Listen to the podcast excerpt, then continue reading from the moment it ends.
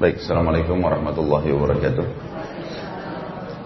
Alhamdulillah wassalatu wassalamu ala Rasulillah.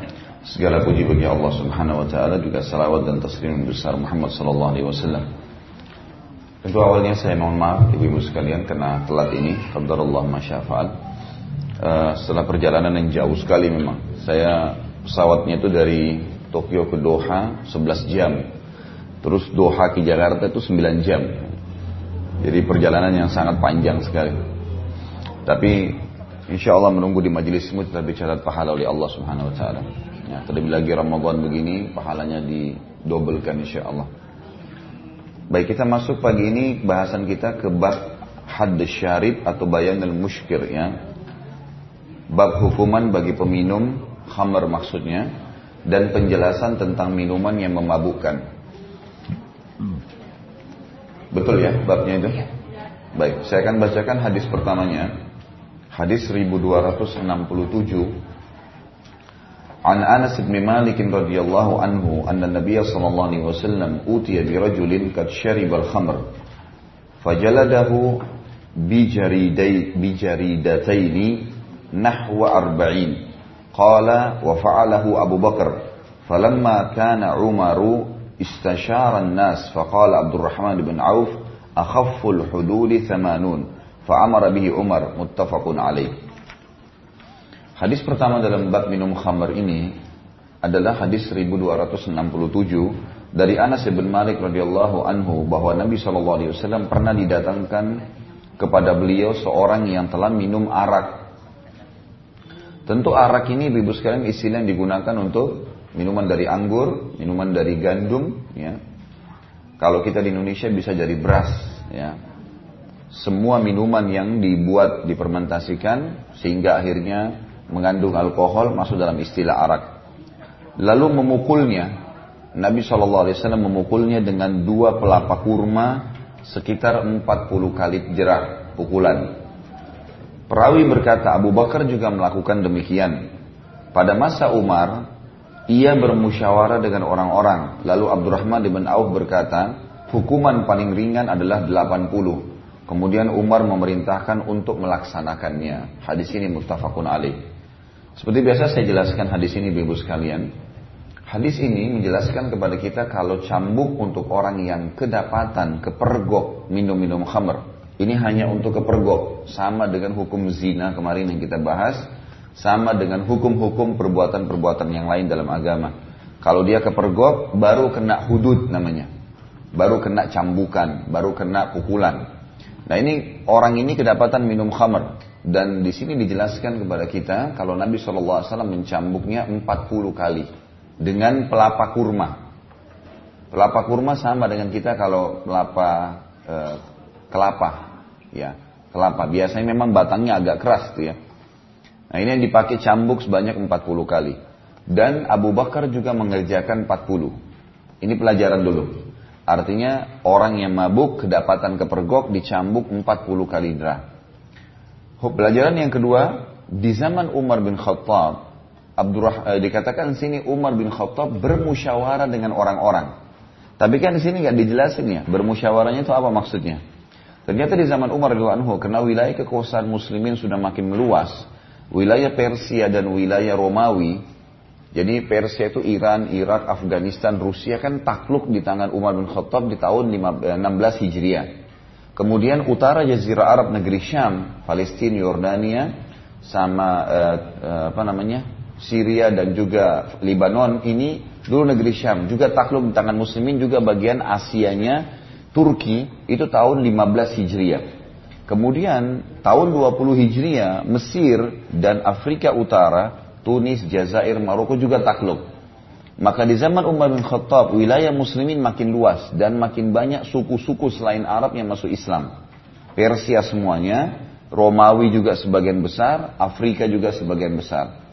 Berarti di sini ibu-ibu sekalian karena banyaknya orang yang baru masuk Islam dan tradisi minum khamar ini adalah tradisi mereka, kebiasaan minum khamar, maka makin banyak orang yang melanggar. Makin banyak orang yang melanggar. Bagaimana caranya? Kalau dicambuk 40, ada orang di zaman Umar datang hammer nih, dicambuk 40 kali, diulangi lagi sama dia. Dua tiga hari minum khamr lagi. Didatangkan, dicambuk lagi 40. Diulangi lagi sama dia. Seakan-akan 40 itu tidak berasa. Gitu. Maka Umar pun bermusyawarah dengan sahabat waktu itu. Gimana caranya? Solusinya apa nih jalan keluarnya? Waktu itu yang ditunjuk sebagai kalau kita MUI ya, ketua MUI-nya itu Abdurrahman ibn Auf. Sahabat Nabi ini dianggap orang yang fakih, yang faham hukum. Maka sama Umar ditanya, Abdurrahman gimana menurut kamu ini? Abdurrahman mengatakan, Hukuman kalaupun Anda mau tambah dari 40, maka maksimal 80 derah. Maka Umar pun menerapkan 80 derah pada saat itu. Menerapkan 80 derah. Pelajaran yang diambil juga dari sini ibu-ibu sekalian, Umar bin Khattab kan terkenal sangat tegas ya. Di zaman khilafahnya beliau itu sangat luar biasa, Islam menyebar, kemenangan banyak di sana sini, harta rampasan perang juga banyak. Tapi jangan lupa, ternyata di zaman Umar bin Khattab juga maksiat itu banyak. Maksiat di zaman Umar banyak karena terbukti 80 derah ini dilipat gandakan double dari cambukan orang yang mabuk karena justru makin banyaknya orang yang mabuk. Juga ada hadis yang lain menjelaskan masalah penyihir, penyihir, penyamun. Ya, ini semuanya juga di zaman Umar menjadi banyak karena wilayah-wilayah Persia dan Afrika ini terkenal sekali dengan sihir-sihirnya. Maka Umar mengirim surat sampai satu tahun sebelum beliau meninggal itu tahun 22 Hijriah. Umar meninggal radhiyallahu anhu tahun 23 Hijriah. Suratnya tiba, kemudian surat ini berisi kepada Bajala bin Abdah, gubernurnya dia di Irak. Tangkap semua penyihir laki-laki dan perempuan yang kau temui dan penggal lehernya. Dalam arti kata di sini tidak boleh kalau didapat kepergok, tidak boleh toleransi, khusus masalah orang-orang penyihir ini. Pelajaran di sini ibu-ibu sekalian bukan berarti kerajaan Umar ini buruk, tetapi pelajaran buat kita adalah kalau orang seperti Umar saja radhiyallahu anhu yang merupakan orang yang sangat tegas dalam agama masih ada di lingkungan mereka orang yang bermaksiat, maka begitu juga dengan keadaan kita. Banyak orang kadang-kadang mengkhayal menganggap kalau di Indonesia ini presidennya seorang alim ulama, menterinya semua alim ulama tidak akan ada maksiat. Itu salah. Di zaman Nabi Shallallahu Alaihi Wasallam saya pernah jelaskan ada empat golongan. Ada orang-orang yang kafir kaum Yahudi waktu itu dan Nabi SAW interaksi dengan mereka. Nabi pernah utang sama salah satu pendeta Yahudi. Nabi SAW pernah menjenguk anak muda Yahudi yang syahadat sebelum meninggal. Nabi SAW pernah menerima hadiah dari mereka. Pernah mengundang mereka berdialog di masjid. Jadi ada interaksi sama orang kafir. Selama sampai menjelang nanti hari kiamat Nabi Isa turun. Sebelum Nabi Isa turun dan menyebarkan Islam di muka bumi akan ada orang kafir. Kalau Nabi Isa sudah turun nggak ada lagi. Karena Nabi Isa alaihissalam pada saat turun nanti, Bapak Ibu sekalian, itu dalam hadis dikatakan semuanya pada saat dia sudah bunuh Dajjal, semua di muka bumi ini sampai rumah di pelosok-pelosok kecil masuk Islam. Dia akan membunuh semua babi, menghancurkan semua salib, dan tidak ada lagi agama lain kecuali Islam. Udah habis semuanya. Hindu, Nasrani, Yahudi ini habis semua, tinggal Islam. Satu dunia ini semuanya Islam di zaman itu. Nah sebelum sebelum Nabi Isa AS turun ini berarti masih ada orang kafir. Kita akan interaksi sama mereka. Dan syariat kita sudah menjelaskan bagaimana bermuamalah dengan tetangga, dengan orang tua, dengan kerabat yang non muslim. Dan bagaimana bermuamalah dengan non muslim yang memerangi Islam. Atau bertemu di kancah peperangan. Di kancah peperangan namanya kafir harbi, itu yang boleh diperangi. Dan yang sedang berada di sekitar kita namanya kafir zimmi. Ini harus dihormati. Dan hanya dihukum pelanggarannya saja. Kalau dia mencuri di wilayah kaum muslimin, tangannya dipotong. Tapi nggak perlu dia diusir semuanya sama keluarganya, gitu kan. Tetap muamalah secara individual kalau kafir zimmi. Ini hukum. Kemudian ada juga orang-orang munafik. Dan pernah saya jelaskan pimpinannya di, di, di Madinah adalah Abdullah bin Abi Salul. Berarti sekarang pun kalau ada pemerintah Islam, semuanya faham agama menterinya pun, akan ada orang munafik di tengah-tengah kita. Munafik ini pura-pura Islam, namanya Islam. Tetapi mereka membenci Islam itu sendiri. Kayak di Indonesia banyak sekali sekarang. Yang tampil di TV, tampil di media, mereka namanya Muhammad, namanya Ahmad, namanya Yusuf, tapi luar biasa bencinya dengan Islam itu. Disalah-salahin Islam ini gitu. Sampai sekarang yang, yang paling masyur terakhir di Indonesia ini pernyataan Quran harus direvisi. Seperti Injil. Jadi sudah nggak layak. Ini anehnya ini siapa kamu mau revisi Injil gitu, eh, eh, Quran. Tapi itu perkataan mereka. Lemparin aja. Kemarin statement terakhir saya baca, pimpinan mereka, pimpinan Jil mengatakan, eh, jaringan Islam liberal itu, Kalau memang homoseksual itu nggak boleh, gitu kan? Allah akan hukum. Kenapa Allah nggak turunin azabnya? Seperti seperti kaum Lut dulu. Artinya mereka mau biarin aja itu homoseksual nggak apa-apa, mereka bebas mau nikah sama sesama jenis boleh, gitu kan? Ini orang yang bodoh ini. Dia masa mau nunggu azabnya Allah turun? Ini nantang langit loh ini bahaya. Kalau kamu mau sendiri dikena azab, ya silakan kamu ke pulau mana, minta Allah turun azab silakan. Kamu minta turun di tengah-tengah kita? Nggak mungkin. Tapi itu di statement disampaikan. Dan banyak syubhat banyak syubhat. Semua artis yang nikah lintas agama didukung sama mereka. Gak apa-apa itu halal, anaknya juga halal. Padahal zina, agama bilang zina. Perempuan muslimah gak boleh kan gitu. Sampai laki-lakinya muslim. Ini semua dilakukan seperti itulah. Nah ini ada, ada di tengah-tengah dan banyak di tengah-tengah orang ini. Kaum munafikin. Saya juga membahasakan di antaranya orang-orang Syiah sekarang itu seperti kaum munafikin persis di zaman Nabi. Pura-pura Islam tapi buktinya bencinya sama Islam. Sahabat dikafirkan, Quran didustakan. Ini kan berarti kebohongan ya.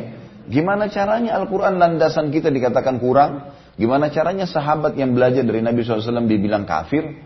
Sampai mereka buat sendalnya ditulis Abu Bakar sama Umar lalu diinjak-injak gitu kan. Melaknat Abu Bakar sama Umar itu pahala. Aisyah dilaknat. Ini kan semua berarti jelas ya. Yang ketiga ada orang bermaksiat. Dan ini yang jadi saksi bahasan kita pada hadis ini. Kalau di zaman Nabi SAW, ibu-ibu dan bapak sekalian, ada sahabat yang pernah berzina, terus dicambuk, ada yang dirajam. Ada sahabat yang pernah melakukan uh, minum khamar, dicambuk. Ada yang pernah membunuh, dipenggal. Jadi kalau kita bahas hukum kisos masih ingat ya? Yang akhirnya ada ada satu ada satu orang yang pernah menjepit kepalanya orang di antara batu, terus dikisos dengan hukum yang sama. Jadi ini memang terjadi di zaman Rasulullah SAW. Apalagi kalau cuma si fulan dan si fulan muslim yang jadi presiden atau jadi raja. Ini sekaligus juga membantah ibu dan bapak sekalian. Orang banyak bilang Saudi itu untuk jelek-jelekin Mekah sama Madinah yang merupakan kiblat kita gitu kan. Tempat lahirnya Nabi SAW dan tempat meninggalnya. Agama semua di sana. Ini deh. Ini mereka jelek-jelekin. Itu Saudi juga terapin hukum Islam tapi masih ada pencuri. Masih ada penzinahan. Ada orang memerkosa. Ada orang begini. Ya di zaman Nabi aja ada. Gitu kan. Gimana caranya kita mau katakan sekarang nggak ada? Iya, cuman ada kelompok keempat. Kelompok keempat ini orang-orang beriman dan ini yang mendominasi.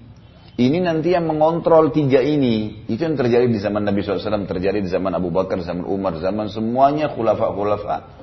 Eh, pemimpin-pemimpin khalifah-khalifah yang datang. Seperti kalau ibu masih ingat pernah saya ceritakan uh, kisah Sultan Murad uh, rahimahullah yang beliau beliau itu ayahnya Sultan Muhammad Al-Fatih yang membebaskan Konstantinopel. Ayahnya itu Sultan Murad alim sekali. Tapi di zaman beliau itu ada orang yang membuka tempat perzinahan dan ada orang yang menjual khamr. Yang sampai beliau menangkap menangkap uh, orang-orang yang seperti ini dihukum. Di antaranya kan beliau setiap malam uh, kalau uh, di malam-malam tertentu beliau ganti baju biasa, lalu beliau pergi sama penasihatnya masuk di tengah-tengah Istanbul Terus ngelihat, ya, periksa, lihat orang, masalahnya apa, bahasanya masyarakat ini tentang pemerintahan apa, keluhannya, mana orang yang susah ditandain rumah-rumahnya. Besok dibantu semua sama dia. Itu yang dilakukan. Dan dia temukan setiap keluar malam itu dengan baju biasa, pasti ada saja masalah. Di antaranya adalah kisah unik itu pada saat dia berkeluar sama sekretarisnya, penasihatnya, ada satu orang pegang botol hammer di jalanan. Terus kepleset jatuh, kepalanya kebentur, Meninggal di tempat orang itu. Masih ingat kisahnya? Anggap lupa sudah, apa boleh buat. Udah langganan. Baiklah. Yang jelas dia kepleset jatuh. Sudah, ini sudah mungkin 8 kali saya jelasin. Tapi nggak apa-apa. Nanti kalau saya sebutin ya. Oke lah. Saya mengalah, nggak apa-apa. Ramadan nggak boleh dialog. Yang jelas orang ini pegang khamar, Jatuh kepleset, botol hamernya pecah, kepalanya kebentur, meninggal. Anehnya, nggak ada orang yang bantu dia. Nggak ada orang yang bantu orang yang kepleset ini gitu. Maka Sultan Murad ini nanya, Hai muslimin, ini orang nih jatuh, mati. Dicek, mati memang orang ini. Nggak ada yang cuek, dicuekin betul, nggak ada yang mau lihat orang ini. Sampai keluar ada satu orang dari di, di, di rumahnya dia, di depannya orang ini meninggal. Keluar dari rumah, terus kemudian dilihat sama dia, ditanya sama Sultan Murad, Hai saudaraku, bantu orang ini. Dia bilang enggak, percuma kita enggak ada orang yang mau bantu orang itu. Loh kenapa kata Sultan Murad? Orang ini setiap hari khamar, setiap hari zina. Setiap hari. Dan ini secara terang-terangan dia masuk ke tempat perzinahan, tiap hari dia ke toko kamar beli kamar, setiap hari. Jadi ini ada yang mau bantu percuma, orang tahu ini ahli maksiat lah istilahnya gitu ya. Tapi maksiatnya terang-terangan, terang-terangan, begitulah bahasanya. Nah pada saat itu Sultan Murad mengatakan baiklah biar saya yang bantu, tunjukin aja rumahnya, tunjukin rumahnya pas dibawa jenazahnya, buka pintu ternyata istrinya, istri nangis-nangis, Waktu istrinya nangis-nangis, kemudian di, Sultan Murad bilang, sudah tidak ada orang, yang antar sudah pergi. Ini ada apa dengan suamimu? Kenapa orang semua benci nih? Kok kenapa dia bawa botol khamar, di tangannya masih ada kendi pecahan khamar itu? Maka kata istrinya, eh, kata Sultan Murad, ini orang pun kalau hidup mungkin akan dihukum. Kata istrinya, dia tidak tahu kalau ini Sultan Murad. Demi Allah suamiku bukan pezina, demi Allah suamiku bukan peminum khamar. Kata Sultan Murad jelas-jelas, Orang semua kasih kesaksian. Ini kalau dalam Islam, orang berzina dikasih empat orang saksi saja sudah jelas ya, dihukum. Kata istrinya, saya tahu suami saya. Suami saya ini sangat soleh orangnya. Luar biasa kesolehannya. Ceritanya begini dia bilang, istri suami saya ini punya toko di tengah-tengah Istanbul, pedagang. Setiap hari dari keuntungan yang didapatkan dibagi tiga. Sepertiga diberikan kepada saya untuk kebutuhan rumah, sepertiganya dikembalikan ke modal usaha, sepertiganya dipakai beli khamar dan dia masuk ke tempat perzinahan. Terus kata Sultan Murad, berarti kamu juga kasih kesaksian.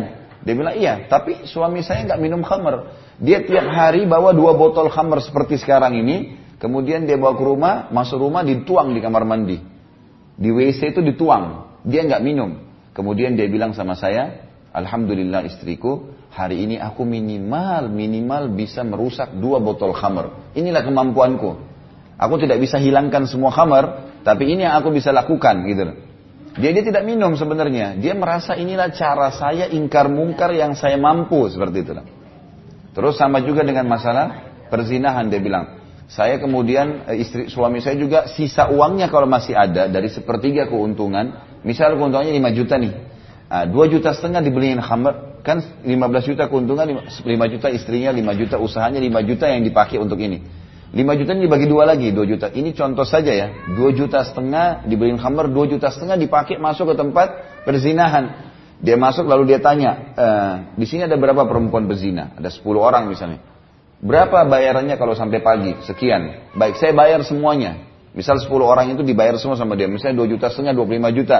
Misal gitulah dibayar semua sama dia. Habis itu dia bilang, tutup ya, ini malam buat saya. Ditutup lalu kemudian dia pulang ke rumah dan dia bilang sama saya, segala puji bagi Allah yang telah membuat saya minimal. Malam ini saya menahan beberapa anak muda muslim berzina. Itu cara dia ingkar mungkar gitu ya. Orang banyak nggak tahu.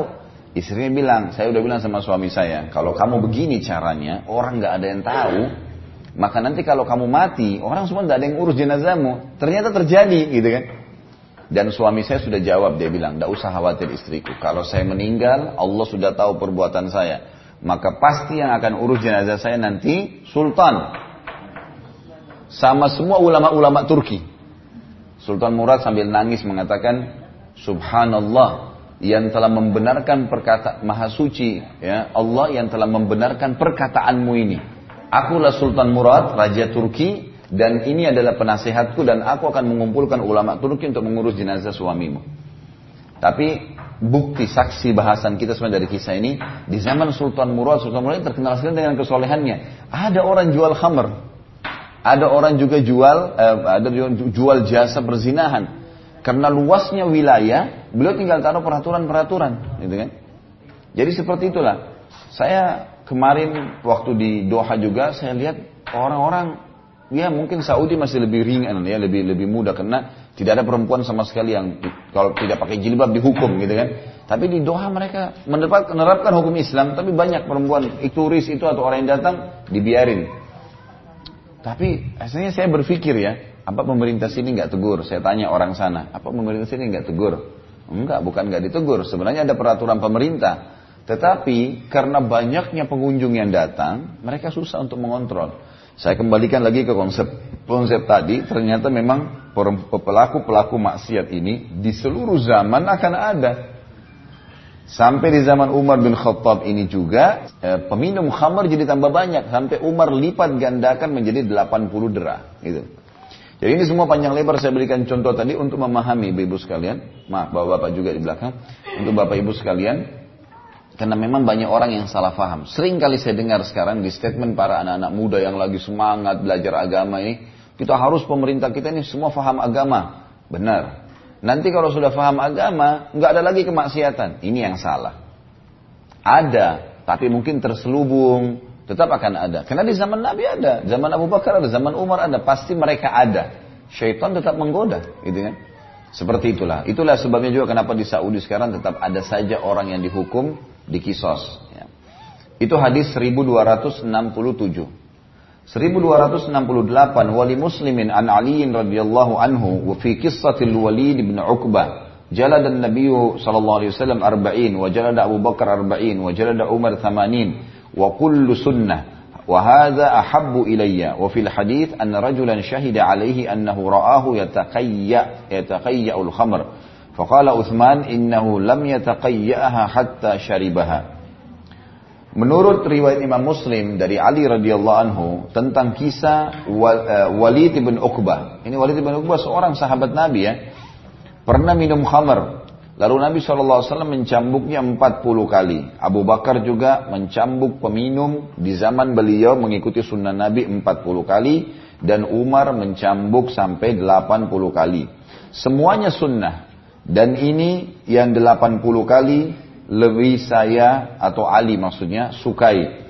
Dalam hadis, suatu hadis disebutkan ada seseorang menyaksikan bahwa ia melihatnya Walid bin Uqbah muntah-muntah arak. Jadi yang keluar dari mulutnya adalah arak, ada baunya. Berarti menandakan dia mabuk. Maka Utsman berkata, ia tidak akan muntah-muntah arak sebelum meminumnya.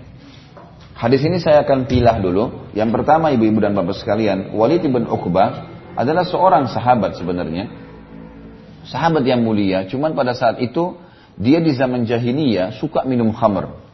Setelah itu dia taubat, masuk Islam sudah tahu hukumnya.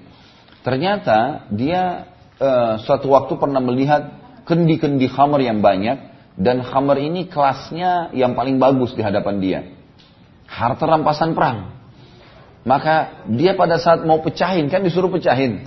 Sebelum dia pecahin, rupanya ini dulu minuman favoritnya dia sebelum dia masuk Islam, ini minuman yang paling dia suka dan dia tahu ini khamr mahal gitu kan. Maka sebelum dia pecahin dia incipi. Ya. Syaitan menggoda diincipi sama dia. Waktu dia incipi bapak sekalian, mabuk, keasikan, minum banyak. Ketahuan oleh Nabi SAW, dicambuk. Cambuk 80 dirham. Padahal orang ini mulia. Bahkan dalam salah satu riwayat, kalau saya tidak salah berhubungan dengan masalah ini, Umar bin Khattab waktu lihat dia dicambuk mengatakan, Allah melaknatmu. Kenapa kau minum khamar gitu? Kata Nabi SAW, jangan kau laknat hai Umar, karena dia mencintai Allah dan Rasulnya. Perhatikan Bapak Ibu sekalian, ada sebuah poin penting. Kita dalam Islam disuruh melihat, disuruh memilah mana substansial kesalahan, mana substansial kebaikan. Maksudnya mana kebaikan, mana keburukan. Dan jangan ditumpah tindihkan. Seperti misal, kalau masih ingat saya pernah kasih contoh, ada perempuan tidak pakai jilbab di luar masjid. Begitu azan masuk masjid, dia pakai jilbab, pakai mukena, rapi semuanya. Allah dengan kemahamurahannya menerima sholatnya perempuan itu. Tapi dia berdosa dengan tidak pakai jilbab di luar masjid. Allah pisahin ini dua hal. Gitu lah. Sama kasus Al-Walid ini, dia khamar, mabuk apa tergoda syaitan dia lakukan kesalahan itu. Tapi Nabi SAW menghukum sesuai dengan perbuatannya saja. Kan khamar harus cambuk ya. Dicambuk 40 derah. Waktu itu Umar melaknatnya. Maka Nabi larang. Jangan. Karena orang ini beriman. Dia mencintai Allah dan Rasulnya. Jangan masukkan laknat ke dalam hukuman khamar. Nggak ada hubungannya. Saya kasih contoh yang lain. Ibu dan bapak sekalian kalau keluar dari masjid sendalnya hilang dicuri pencuri. Yang kita boleh lakukan adalah mencari sendal, mendoakan supaya Allah hukum boleh saja. Tapi menghina atau mencaci maki pencuri nggak boleh. Karena ada hubungannya sama perbuatannya. Kalau kita menghina pencuri, maka dia berdosa dengan curinya, kita berdosa dengan cacian kita. Kita boleh mendoakan doa lain. Doa yang kita terzalimi ya. Ya Allah buat dia kembalikan, ya Allah hukum dia. Boleh. Tapi yang saya maksudkan adalah bagaimana kita memilah setiap masalah itu persubstansial. Kecuali dosa syirik dan kufur, ini lain. Kalau dosa syirik dan kufur Bapak Ibu sekalian menghapus semuanya. Ada orang murtad nih, udah hukumnya hukum umum. Hukumnya sudah pindah ke hukum orang kafir. Ada orang syirik besar, nyembah-nyembah kuburan, minta-minta sama syaitan. Nah ini hukumnya hukum syirik. Nah boleh ini. Ini semua harus syahadat mereka. Kalau mereka mau kembali ke Islam, hukumnya sudah hukum orang kafir. Tapi selama bukan dosa itu, maka harus hati-hati. Saya kasih lebih jelas supaya ibu-ibu lebih paham tentang masalah anak-anak. Misal anak kita, misal satu waktu ada seseorang anaknya berzina. Misal, dia terbawa dengan arus pergaulan, dia berzina. Tapi anak ini dari satu sisi bakti sekali sama ibu. Anaknya baik, bakti, anaknya sholat. Tapi dia terbawa arus saat teman-temannya terus berzina. Terus dia merasa bersalah. Banyak orang tua bukannya dirangkul. Baik, kamu salah nak ya, ini sudah tahu ini haram, ya. Ini berbahaya dosa, tobat nasuha ya, iya. Dia sudah bilang iya, rangkul dia. Jangan itu menjadi uh, sesuatu yang merusak semua kebaikan dia. Biar dia sholat, biar dia bakti, ah kamu pernah berzina. Kan jadi mengecilkan hati ya. Ada satu poin juga ibu-ibu dan bapak sekalian, hati-hati. Kita kalau sempat terjerumus dalam perbuatan haram, ini penting ya. Misal berzina, misal berbohong, perbuatan haram dalam agama. Kita tahu itu salah, tapi seseorang melakukannya misal. Ingat, yang harus kita lakukan dalam Al-Quran diceritakan, tazakkaru, ingat, kembali ke jalan Allah, segera taubat. Syaitan masuk di poin itu kata ulama. Kalau orang misalnya berzina nih, sama syaitan dibuat dia putus asa, Allah nggak bakal ampuni kamu, kamu sudah berbuat dosa besar, kamu sudah. Jadi orang ini putus asa. Akhirnya orang-orang yang putus asa ini meninggalkan ibadah yang lain, ngerti nggak? Jadi misalnya dia cuma berzina nih, tapi karena dia sudah merasa kotor, sholat pun ditinggalin. Apa pun ditinggalin. Jadi kerentet ke mana-mana. Padahal sebenarnya dalam agama kita tahu itu kesalahan, kita sudah lakukan. Caranya taubat. Taubat ini berhenti, lalu kemudian tetap berjalan dengan kebaikan-kebaikan kita. Jangan mengganggu itu, ya. Dan segera taubat, taubat itu akan membantu. Betul mungkin ada pembersihan-pembersihannya, tapi ini yang tepat. Yang tidak tepat berbuat salah lalu putus asa. Ini kalau Bapak Ibu ikutin ceramah saya di Youtube, saya sampaikan dosa-dosa besar di antaranya Imam Madzhabi masukkan putus asa terhadap rahmat Allah. Jadi dia pernah buat dosa, terus dia merasa udah orang yang paling kotor di muka bumi ini. Ini gak boleh dalam Islam. Bukan juga kita gampangin ya. Oh berarti saya bisa buat dosa sembarangan, tidak kena dosa, ada hukuman. Tapi jangan sampai syaitan masuk dan mengucilkan kita sehingga kita merasa bersalah udah luar biasa deh gitu. Seperti itu. Sisi yang lain ibu dan bapak sekalian, kalau ada orang pernah berbuat salah dan sudah taubat, kita tidak boleh membencinya secara fisik, tapi kita membenci perilaku-perilakunya. Dan kalau sudah taubat sudah selesai. Umar bin Khattab dulu sebelum masuk Islam peminum keras, ya. Umar bin Khattab itu pemabuk keras sampai beliau mengatakan Allah anhu saya pecandu minuman keras. Tapi setelah masuk Islam, Umar bin Khattab menghukum peminum khamr 80 derah.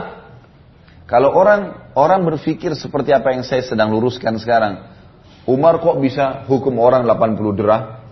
Dia aja dulu di zaman jahiliyah pemabuk. Ini kan jadi buruk ya. Nggak boleh, karena itu dulu masa lalunya orang.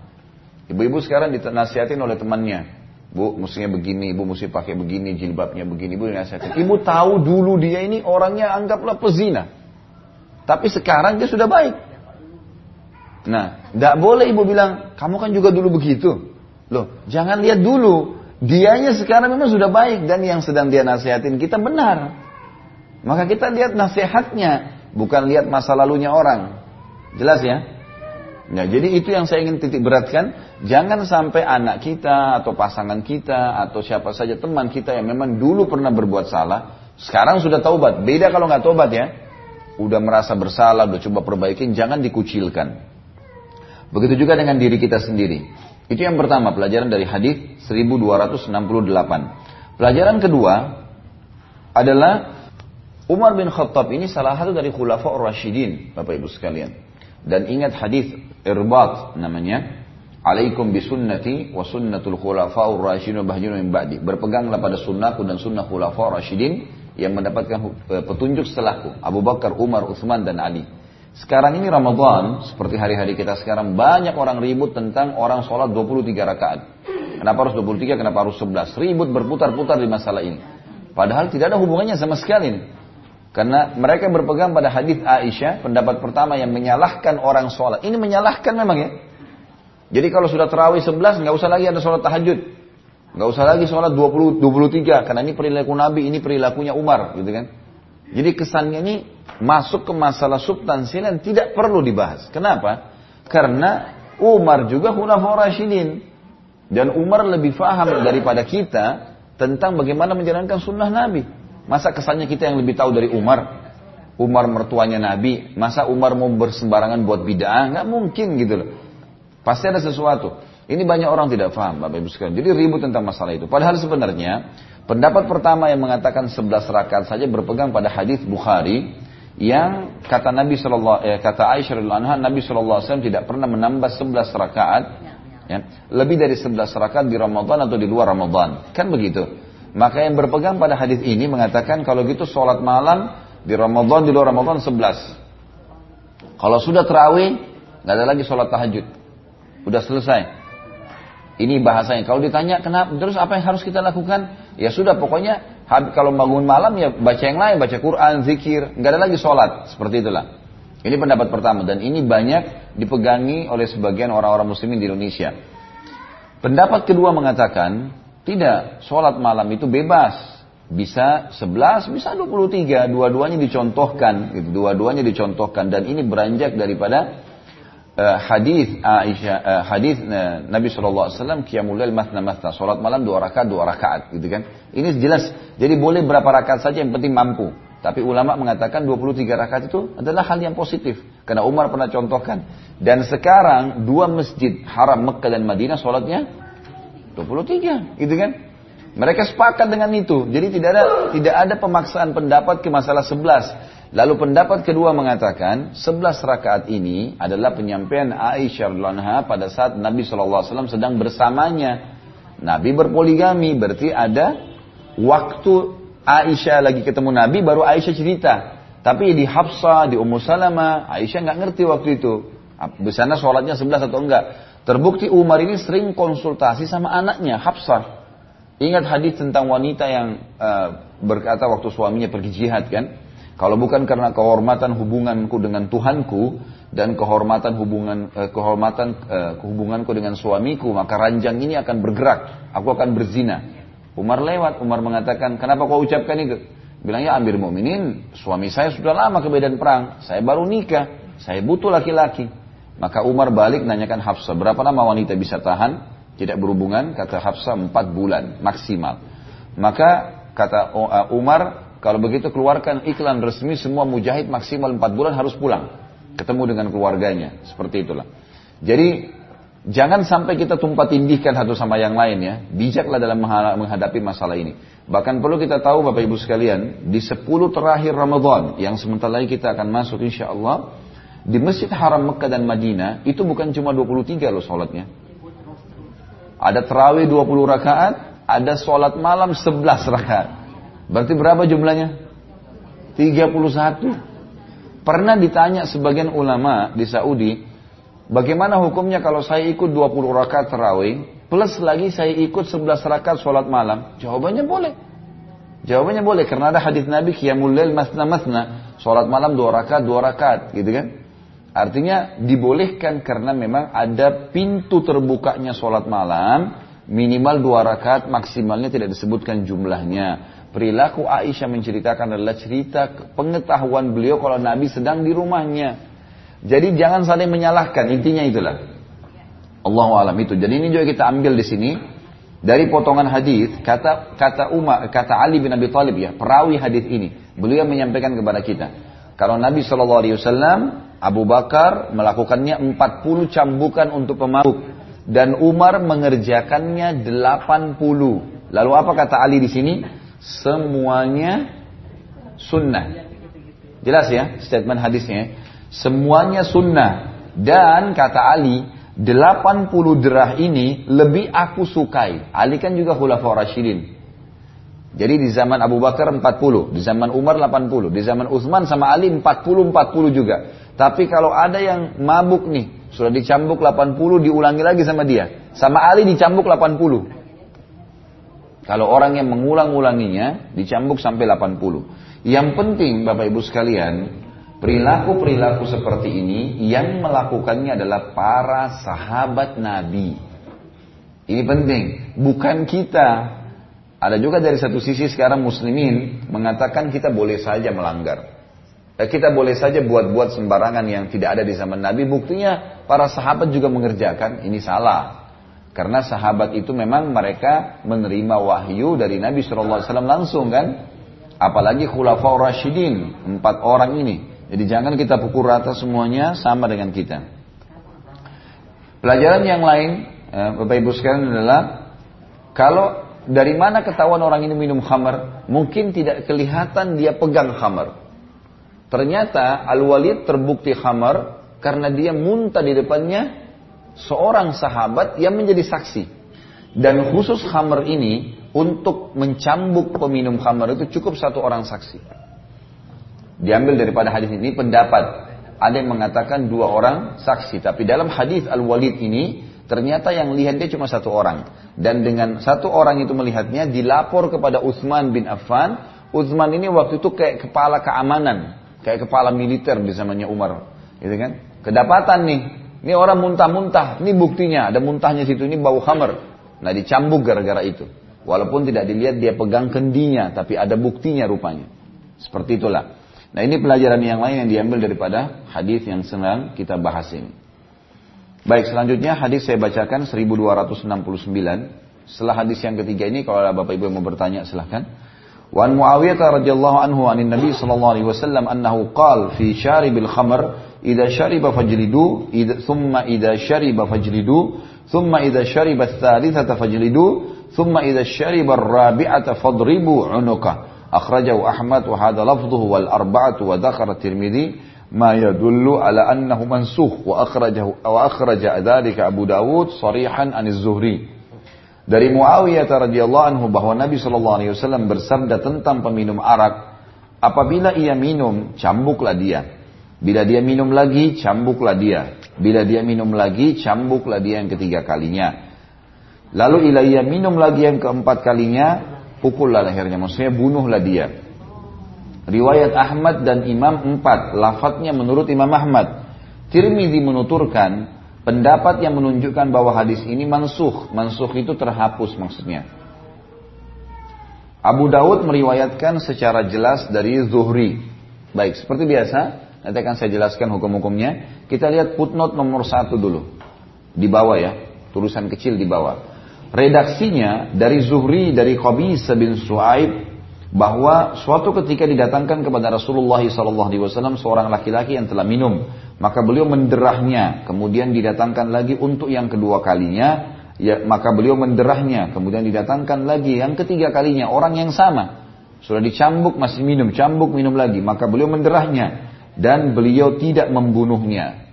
Al-Mundri berkata, Asy-Syafi'i, masih Imam Syafi'i, mengatakan bahwa hukuman mati bagi peminum khamar telah dinasakh dengan hadis ini Kemudian diceritakan dari sebagian ahli ilm bahwa ia menyatakan bahwa kaum muslimin telah sepakat atas wajibnya had dalam kasus minum khamar dan mereka sepakat bahwasanya peminum khamar tidak dapat dihukum mati meskipun berkali-kali minum. Hanya pendapat sekelompok ulama yang syad. Lihat syad ya, garis bawah syad itu. Syad itu artinya menyimpang. Ya. Hanya pendapat sekelompok ulama yang syad menyatakan dapat dihukum mati. Baik. Apa yang kita bacakan di footnote tadi menjelaskan kepada kita tentang hadis ini. Hadis ini ada namanya mansuh, ya. Dalam agama kita, Bapak Ibu sekalian, ada istilah nasih wal mansuh. Nasih ini, Bapak Ibu sekalian, adalah dalil-dalil Al-Quran atau Sunnah yang menghapus dalil lain. Sekali lagi, istilah nasih, nasih tulisannya begitu. Bapak Ibu tulis ya, ini kalau mau ditulis tulis nasih ini nasih ya pakai hak. Ya, nasih ini adalah dalil-dalil Al-Quran atau Sunnah yang menghapus dalil-dalil Al-Quran dan Sunnah lainnya.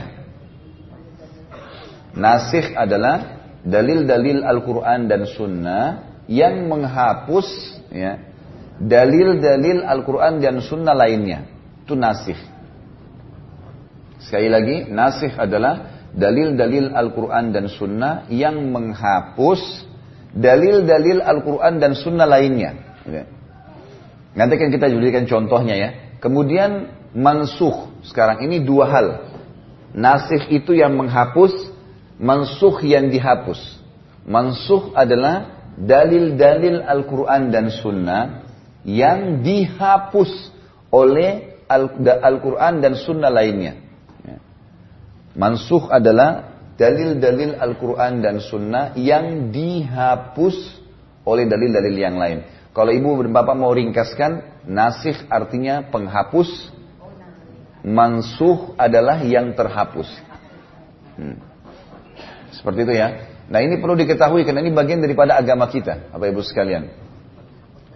Nah, jadi hmm, dalil-dalil yang dihapus, mansuh dalil-dalil Al-Quran dan Sunnah yang dihapus oleh dalil-dalil Al-Quran dan Sunnah lainnya.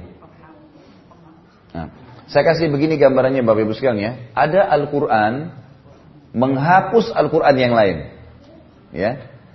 Ini namanya ayat nasih kepada ayat yang mansuh. Kan gitu. Ada juga ayat Al-Quran yang menghapus hadis Nabi. Ada juga ayat ada juga hadis Nabi yang menghapus ayat, ada hadis menghapus hadis. Saya ulangi lagi. Ada ayat Al-Quran yang biasanya menghapus ayat Al-Quran yang lain. Seperti hukum misalnya khamr ya. Khamr itu pertama turun Bapak Ibu sekalian. Larangannya belum belum haram. Masih boleh minum tapi nggak boleh sholat dalam keadaan mabuk. Selain sholat masih masih bisa. Ayat ini dia dihapus oleh ayat tentang pengharaman khamr mutlak. Nah, ini namanya ayat yang mansuh, yang terhapus tadi, masalah bolehnya sholat sementara mabuk, dihapus dengan ayat yang mengatakan khamr itu semuanya haram. Ada juga ayat-ayat Al-Quran yang menghapus tentang hadis-hadis Nabi. Seperti misalnya ada di awal-awal dulu ya, di awal-awal Islam, ya, e, masih boleh memakan e, memakan e, keledai. Di awal Islam dulu boleh makan keledai. Awal-awal Islam. Waktu terjadi perang Khaybar, turun ayat Al-Quran melarang untuk makan itu. Dan Nabi SAW melarang sahabat semuanya makan uh, keledai, nggak boleh makan yang bertaring, nggak boleh makan yang menyerang dengan pelatuknya, kayak burung-burung elang, gagak dan semuanya. Ini semua turunnya di perang Khaybar. Jadi ada ayat-ayat Al-Quran turun yang menghapus dulunya statement dalam hadis masih dibolehkan. Ada hadis ya yang menghapus hadis seperti contoh bahasan kita sekarang. Jadi di sini ternyata hadis yang sedang kita bahas kalau Nabi SAW pernah mencambuk satu kali, dua kali, tiga kali, yang keempat suruh bunuh, ini dulu di awal Islam dan sekarang terhapus dengan dalil-dalil yang mengatakan hanya cambuk saja. Mau orang itu sudah minum yang ke-10 kalinya, tetap cambukan. Cuman orang yang mengulang-ulangi dilipat gandakan hukumannya. Namanya takzir. 40 jadi 80. Gitu kan. Jadi ini yang boleh dilakukan. Allahu alam. Jadi ini yang dimaksud dengan hadis apa yang sedang kita ya, hadis yang sedang kita bahas ini. Allahu alam. Baik, saya baca hadisnya lagi atau ada Bapak Ibu yang mau bertanya sampai sini? Baik, saya bacain hadis selanjutnya ya. 1270. Kita masih ada sekitar 10 menit jam 11. Wa ana Abu Hurairah anhu qala qala Rasulullah SAW idza daraba ahadukum falyattaqil wajh muttafaqun alaih. Dari Abu Hurairah anhu bahwa Rasulullah SAW bersabda, apabila salah seorang di antara kalian memukul tadi menderah itu, maka hindarilah wajah. Hadis ini muttafaqun alaih. Jadi pada saat dicambuk itu dibalik belakangi dan punggungnya yang dicambuk. Gitu kan. Hadis ini memberikan penjelasan kepada kita, walaupun peminum khamar, walaupun pezina, mereka lagi bermaksiat kepada Allah, tapi mereka orang-orang muslim. Mereka beriman kepada Allah. Kita melakukan hukuman pada yang diperintahkan oleh Tuhan kita. Allah Azza wa memerintahkan kita mencambuk punggung ya punggung. Dilarang pukul wajah, pukul wajah. Dan ulama memasukkan juga dari hadis ini Bapak Ibu sekalian tidak bolehnya sama sekali memukul wajah. Mutlak. Orang tua kepada anak, suami pada istri, istri pada suami, semuanya wajah tidak dibolehkan. Dan ini subhanallah karena Allah subhanahu wa ta'ala telah memuliakan wajah kita. Allah taruh wajah di bagian depan, kemudian Allah jadikan sumber segala itu di wajah. Melihat, mendengar, mengunyah, menghirup. Ini semua sumber kehidupan nih. Ini empat hal ini mata, telinga, hidung, mulut. Ini sumber kehidupan manusia, gitu kan? Dengan mata dia bisa melihat apa yang dia apa yang telah Allah berikan kepada dia. Telinga bisa membuat dia mendengar, hidung bisa membuat dia hidup menghirup, mulut bisa membuat dia berbicara, mengecat makanan dan seterusnya, gitu ya. Jadi ini nggak boleh sama sekali, harus dijauhi, nggak boleh memukul wajah. Di sini bahasanya mungkin menampar ya, memukul, menghinakan wajah, Sampai sebagian ulama juga mengasukkan dalam hadis ini adabnya kalau menghukum orang tidak boleh menunjuk wajahnya. Adabnya tidak boleh menunjuk wajahnya. Jadi kalau mau dikatakan salah ya salah. Dihukum maka dihukum. Nabi SAW mencambuk Al-Walid itu pada saat dia mabuk gitu kan diambil dicabut sendal beliau lalu dipukul punggungnya gitu kan. Maka para sahabat pun ada yang sempat mengikut ikut untuk mencambuknya. Jadi memang betul-betul tidak boleh wajah, karena wajah ini mulia. Umumnya orang subhanallah kalau pernah ditampar atau dipukul bagian wajah, ini akan berbekas, sulit untuk dia lupakan. Beda dengan anggota tubuh yang lain. Misal ada orang tua menampar anaknya, itu berbekas sekali. Itu sulit sekali untuk dia lupakan, karena memang wajah beda, punya posisi ya. Ini selalu, yang selalu diandalkan bagi manusia wajah. Ya, Makanya wajahnya selalu yang dibuat menonjol. Maka ini sekali tercoreng akan membuat dia uh, tidak percaya diri atau dia malah membenci orang yang melakukannya dan seterusnya. Dan ini termasuk adab tentunya. Kalau dalam hudud, dalam hudud ini jelas-jelas orang itu salah ya. Dia minum khamar, dia berzina, nggak boleh pukul wajah, apalagi kalau bukan hudud. Kayak sama anak, sama pasangan, ini malah harus lebih hati-hati. Kalau pemaksiat saja masih tidak boleh kita pukul wajahnya, apalagi kalau. Nah, masuk di dalamnya juga sebagian ulama mengatakan sejahat apa pun orang itu bukan wajah. Seperti misal membunuh orang kafir. Emang yang dibunuh bukan wajah ini kan tidak membunuh sebenarnya. Maka yang dibunuh adalah badannya yang membuat dia mati. Kecuali kalau emang dia kena lemparan yang besar atau apa. Tapi kalau orang memang lagi duel, kemudian musuhnya sudah kalah nih pasrah. Dia nggak boleh menusuk wajahnya. Ya dia menusuk dadahnya, dia menusuk perutnya. Pokoknya wajahnya dihindari. Sampai pada tingkat itu musuh di medan perang pun, kalau sudah kalah duel dengan seseorang, seperti itu. Maksimal hukuman yang paling berat adalah penggal kepala. Kan itu. Tapi jauh dari wajah. Ini yang dimaksud. Jadi memang wajah ini harus dihindari.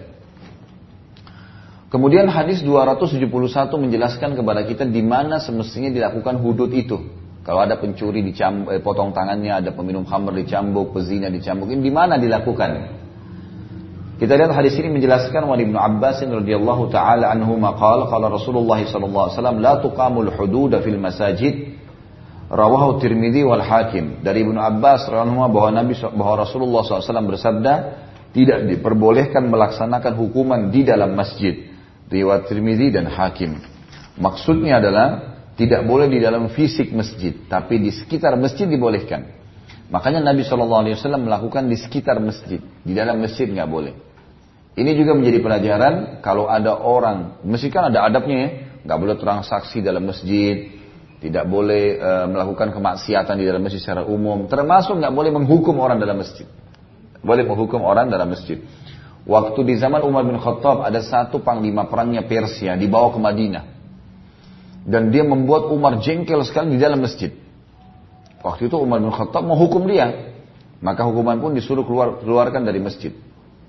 Jadi nggak boleh sama sekali ada hukuman dalam masjid. Masuk dalamnya ini hal yang sepele sebenarnya. Yang banyak orang lakukan adalah memukul anak-anak kecil di masjid. Jadi bukan karena anaknya, tapi karena hukum Allah, nggak boleh. Kalau mau hukum ada pencuri dalam masjid, memang nggak boleh dikebukin di situ, dikeluarin, dihukumnya di luar. Intinya masjid suci, nggak boleh ada hukuman apa-apa. Termasuk nggak boleh ada hadis juga yang nggak boleh mengiklankan ya, sesuatu yang hilang, gitu kan? Dalam arti kata di sini ada ada larangan. Lebih baik seseorang itu mengingatkan di luar. Gitu. Masjid-masjid itu sangat bijak kalau mereka punya uh, punya uh, mic di luar atau di uh, dekat pintu masjid atau di, di luar lah ya paling bagus. Kemudian memang itu untuk untuk mengeraskan suara kalau ditemukan benda dompet hilang apa segala macam usahakan jangan dalam masjid. Karena ada larangan memang. Ada larangan masalah itu. Seperti itulah yang dimaksud dengan hadis yang kita baru baca tadi 1271 baik 1272 Wan Anas radhiyallahu anhu qala laqad anzalallahu tahrimal khamr wa ma bil manini syarabun yushrabu illa min tamr akhrajahu Muslim. Anas bin Malik radhiyallahu mengatakan Allah telah menurunkan ayat yang mengharamkan arak pada saat di Madinah pada saat itu di Madinah tidak ada minuman keras yang diminum kecuali dari kurma. Riwayat Imam Muslim. Berarti kita sekarang akan masuk beberapa hadis dua buah hadis Bapak Ibu sekalian. Ini yang menjelaskan kepada kita kalau e, minuman keras bisa terbuat dari bahan-bahan seperti ini, termasuk atau terutama buah, terutama buah, gitu kan? Hadis ini menjelaskan kepada kita kalau minuman yang keras pada saat itu terbuat terbuat dari kurma. Nah, kita harus tahu ya, kurma asalnya halal, ya. Tetapi kapan dia sudah rusak, haram. Ya. Asalnya kan halal. Jadi sama maaf e, ibu-ibu yang mungkin kadang-kadang kalau buat es buah sekarang tape ya hati-hati. Kita harus pastikan ya. Saya juga tidak tahu secara pasti tapi kalau ibu-ibu sudah tahu ini adalah e, sudah kecut misalnya atau sudah berbusa umumnya ya, itu pasti sudah ada kandungan alkohol, jangan dimakan. Kalau baru dibuat mungkin bersih. Saya pernah tanyain ke salah satu pembuat ini, saya bilang ini sebenarnya beralkohol nggak pak sih? Dia bilang kalau awal ya, kalau awal dibuat baru mateng itu nggak beralkohol. Kebetulan dijual di pinggir jalan itu sering digantung-gantung. Saya waktu itu kebetulan lewat tol Cikampek mau ke Jawa gitu kan. Keluar pintu tol Cikampek sebelah kiri kan ada banyak jual. Saya tanya langsung yang buat. Terus kalau yang ini pak, saya pengen beli. Saya, ini yang digantung-gantung. Oh kalau ini sudah pak, bahasa dia. Ini sudah ada, sudah beralkohol kalau ini. Karena sudah berhari-hari dan memang ini yang membuat dia bertahan uh, dia tidak langsung rusak karena dikasih pengawet tapi kalau ini sudah mengandung makanya dia kadang-kadang ada ada rasa yang menyengat sekali harus hati-hati di sini harus hati-hati ya kalau misalnya ibu-ibu ini saya bahas ibu karena ibu-ibu yang mungkin yang buatin yang suruh pembantunya misalnya maka harus lebih hati-hati karena orang juga kalau tidak makan tape nggak mati kan Iya, tidak ada masalah. Es buah nggak pakai tape nggak apa-apa kok. Artinya lebih hati-hati bagus. Berhati-hati itu lebih baik. Ganti yang lain. Karena ternyata semua makanan, semua minuman yang akhirnya bisa menjadi penyebab sesuatu yang beralkohol dihindari. Yang itu, dihindari.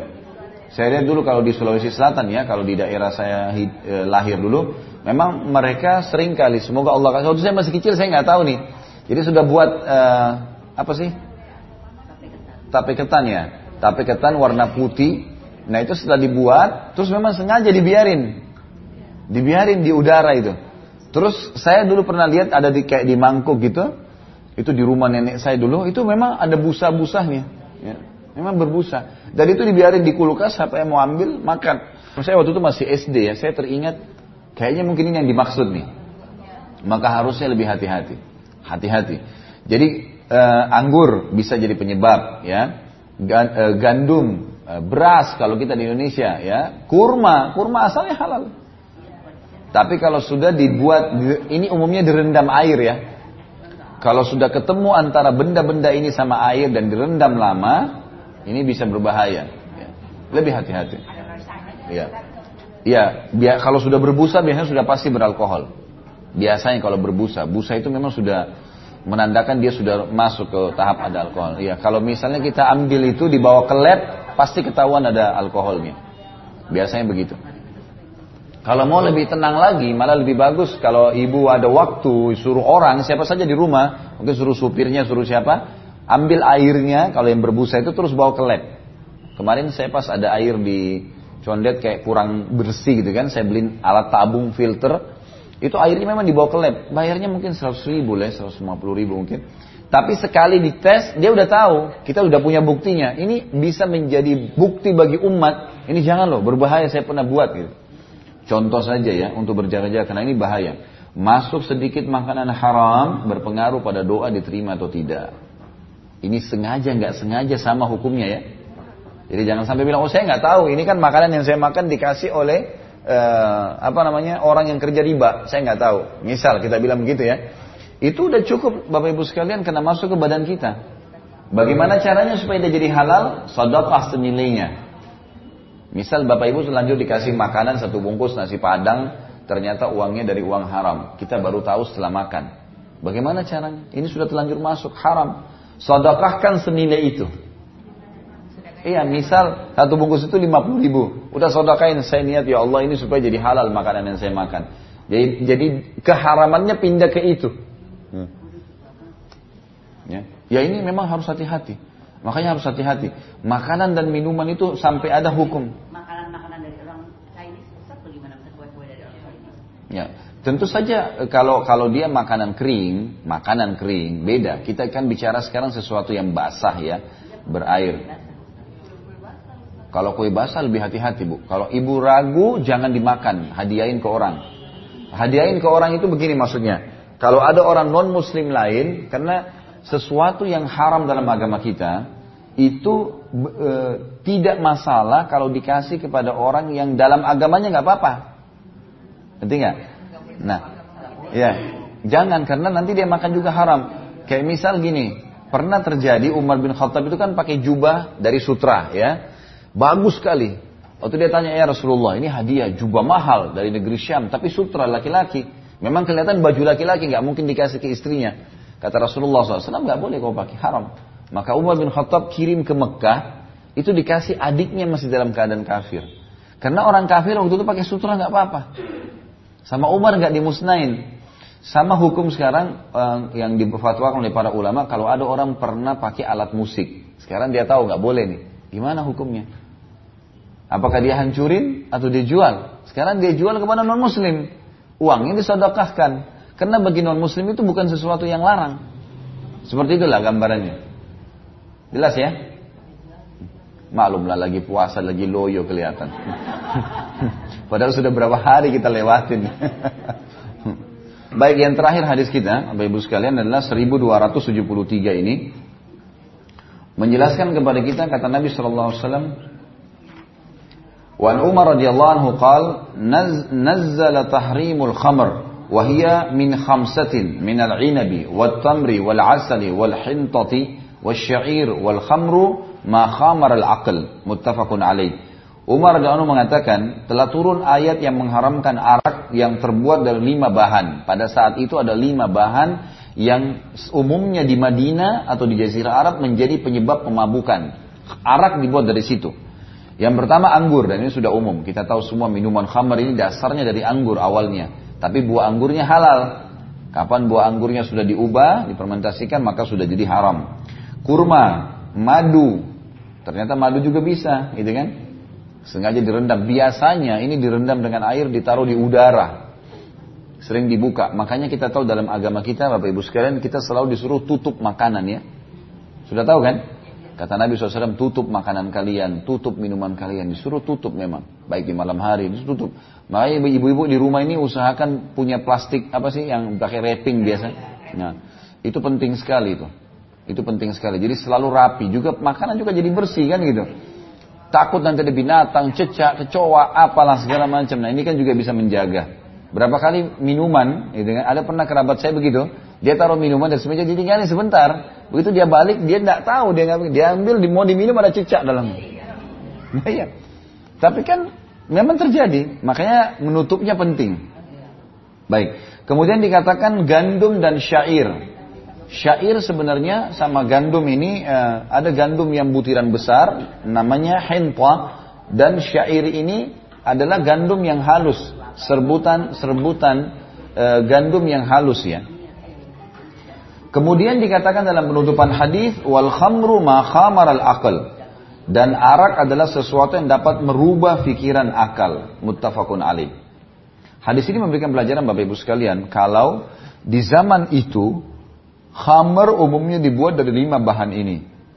Sebenarnya kalau kita mau mau mau e, globalkan kelompokkan cuma empat di sini ya. Yang pertama anggur, yang kedua kurma, yang ketiga madu, yang keempat itu adalah gandum. Cuma gandumnya sini dipisahin. Ada hinta, gandum-gandum yang butirannya besar, dan ada syair yang gandumnya halus, serbuk halus gitu. Ini yang dimaksud dengan hal yang haram. Tapi penutupan habis memberikan pelajaran kepada kita. Dan arak adalah, kata Umar, semua yang dapat merubah akal. Maksudnya apa? Jangan orang salah faham nih. Jangan kena bilang, oh di zaman Nabi kan cuma lima ini. Berarti selain ini nggak apa-apa. Kan beras di sini nggak masuk kan? Nah iya, nggak boleh dijadikan alasan itu. Makanya Umar di sini cerdas, beliau menyampaikan dan terakhirnya dan khamr itu semua yang membuat akal keluar dari jalur normalnya. Apa pun itu, berarti sudah memabukkan. Jadi haram, apa pun sifatnya. Kalau kita beras, mungkin saja ada orang buat khamar dari dari dari jagung, mungkin. Mungkin, Allah alam. Jadi ini termasuk hal mendasar yang harus diketahui dan difahami Bapak Ibu sekalian supaya tidak ada kesalahan yang kita lakukan. Allah alam. Baik, sampai sini ada yang mau bertanya? Baik, izinkan saya sampaikan aja sampai selesai bab ini ya. Masih ada waktu nggak? 10 menit lagi. Masih bisa? Baik. Saya lanjutin aja nanti sekalian saya jawab pertanyaannya e, Ibu tadi ya. 1273 sudah kita baca tadi sekarang 1274. Kata Nabi hadis ini berbunyi wa Ibnu Umar radhiyallahu anhu ma anna Nabi SAW qala kullu muskirin khamrun wa kullu muskirin haram. Akhrajahu Muslim. Dari Ibnu Umar radhiyallahu anhu bahwa Nabi SAW bersabda setiap yang memabukkan adalah arak dan setiap yang memabukkan adalah haram. Ini menjadi sebuah kaidah umum Bapak Ibu sekalian. Kaidah umum di dalam agama kita, semua yang memabukkan adalah arak dan setiap yang memabukkan haram. Ini lebih global lagi. Ini tidak disebutkan jenisnya. Pokoknya memabukin udah haram, selesai. Dan itu juga namanya khamr. Nah di sini menjawab Bapak Ibu sekalian pernyataan sebagian orang kalau khamr itu arak itu hanya anggur. Karena banyak orang mengatakan itu ya. Karena banyak minuman dari whisky, dari yang lain-lain yang sekarang banyak terkenal ini memang dari anggur. Anggur yang yang sengaja diperam di bawah tanah malah, gitu kan. Khamar itu kan sekarang yang paling mahal malah yang paling lama diperam di bawah tanah, ada yang 50 tahun. Kadang-kadang ditulis beritanya kan di situ ini 50 tahun, ini 100 tahun. Makin lama makin mahal lah istilahnya begitu. Itu karena diperam sama mereka. Nah ini adalah kembali kepada hadis ini. Semua yang dasarnya memabukkan ya, adalah arak dan semua arak haram. Ya, jadi kaidah umum. Berarti lebih umum lagi daripada penyampaian sebelumnya.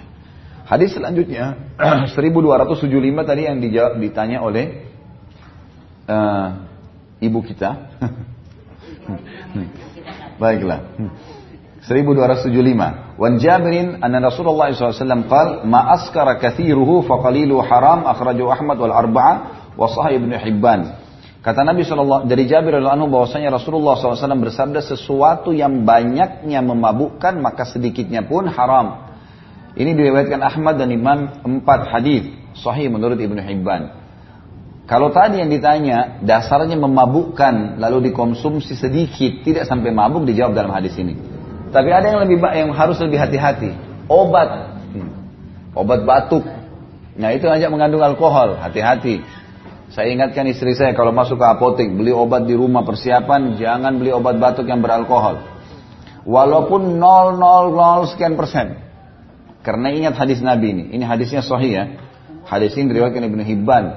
Semua yang kalau dikonsumsi banyak memabukkan setetesnya pun haram.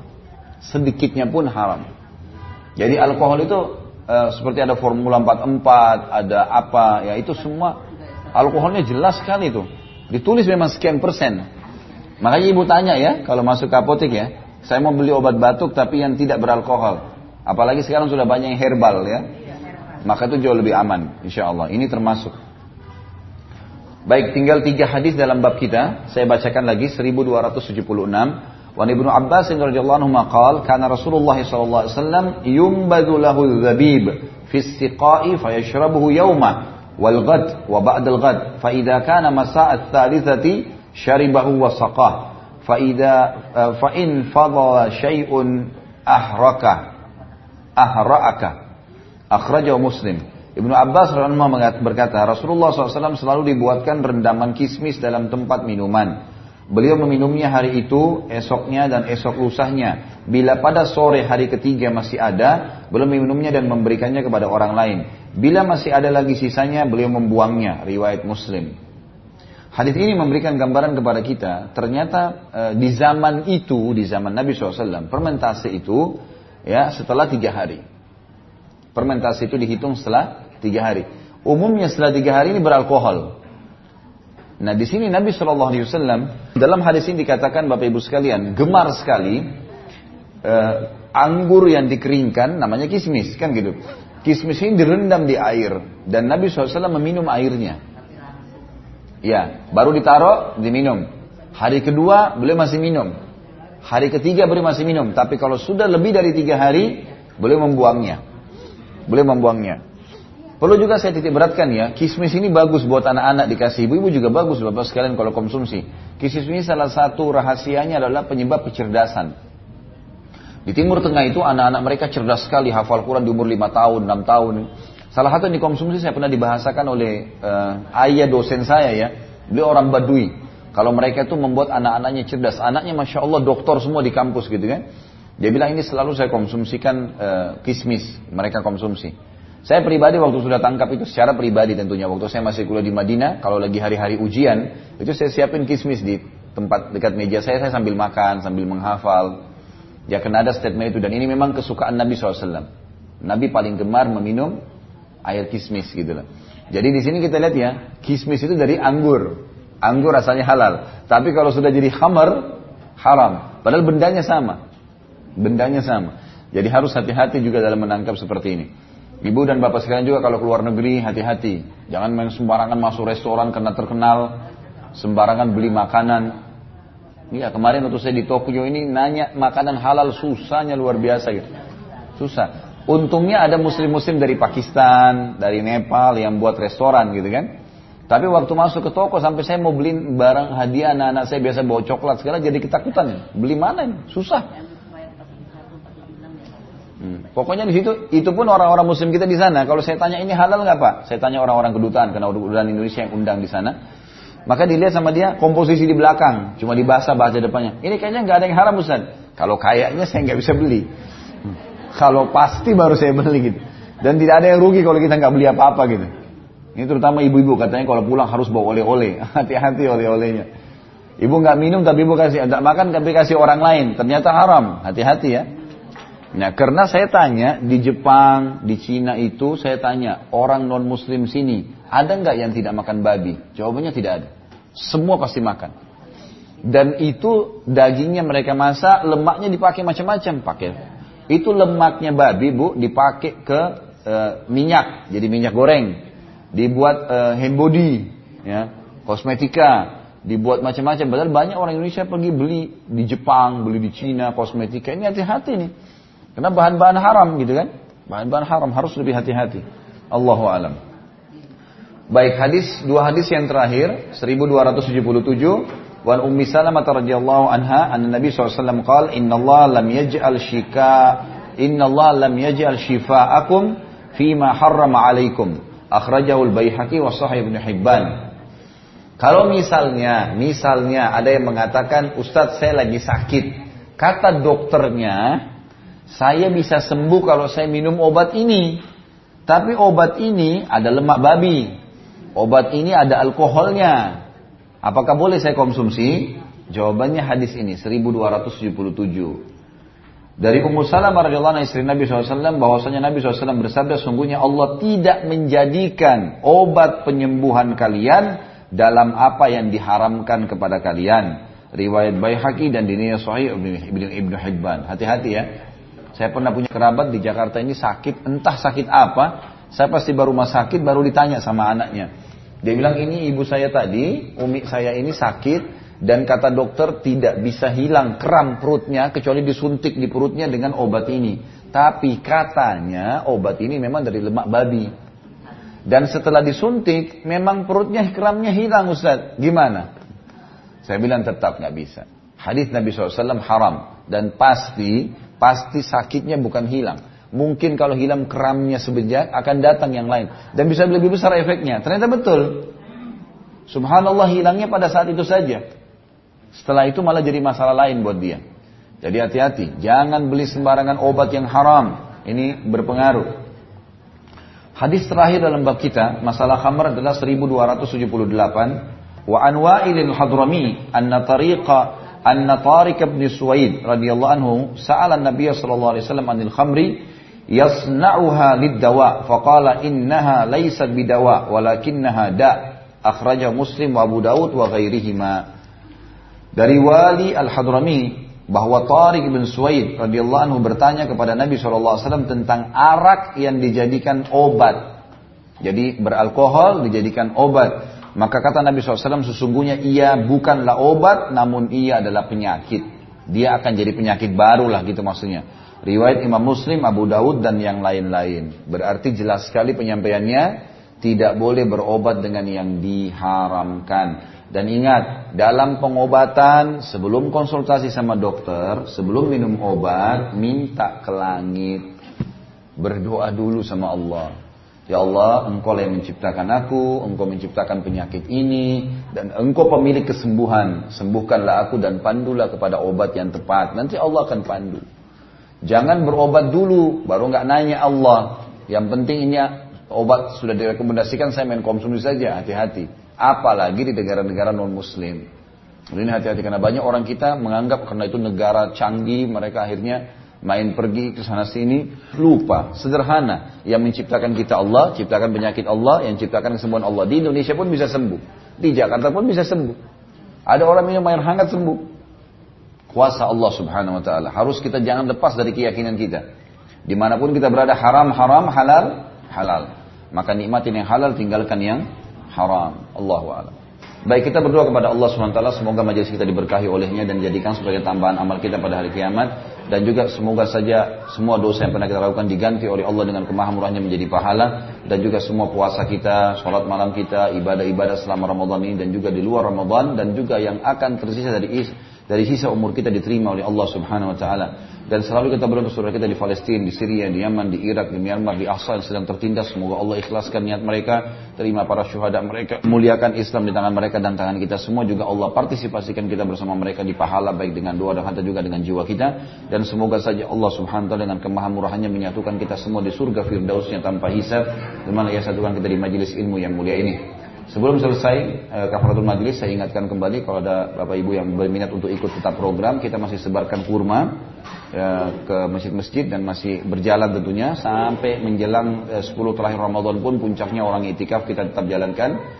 Alokasi zakat mal juga terbuka dan saya sekarang mengajak Bapak Ibu sekarang kalau ikut partisipasi di Islamic Center yang sedang dibangun. Itu juga ada di YouTube sudah diangkat khusus eh, cuplikan saya memanjat muslimin untuk eh, partisipasi Alhamdulillah eh, beberapa hari ini saya juga sudah mengucapkan terima kasih kepada semua penyumbang dan Bapak Ibu yang sudah partisipasi selama ini. Eh, dalam sebelum saya berangkat ke Tokyo awal Ramadan itu eh, sudah masuk sekarang dalam dua minggu kurang lebih 400 juta sumbangan dan terus bertambah setiap hari Alhamdulillah sekitar 10-15 juta. Mereka bergabung untuk melunasi Islamic Center ini memang. Jadi gitu ada masjidnya ada tempat pelatihan dai-nya Kemudian ada sumber penghasilannya dan ada studionya untuk ceramah-ceramah saya insya Allah akan digodok di situ. Allahu a'lam mungkin begitu. Subhanakallahumma wa bihamdika asyhadu an la ilaha illallah astaghfirullah wa atubu ilaik. Wassalamualaikum warahmatullahi wabarakatuh.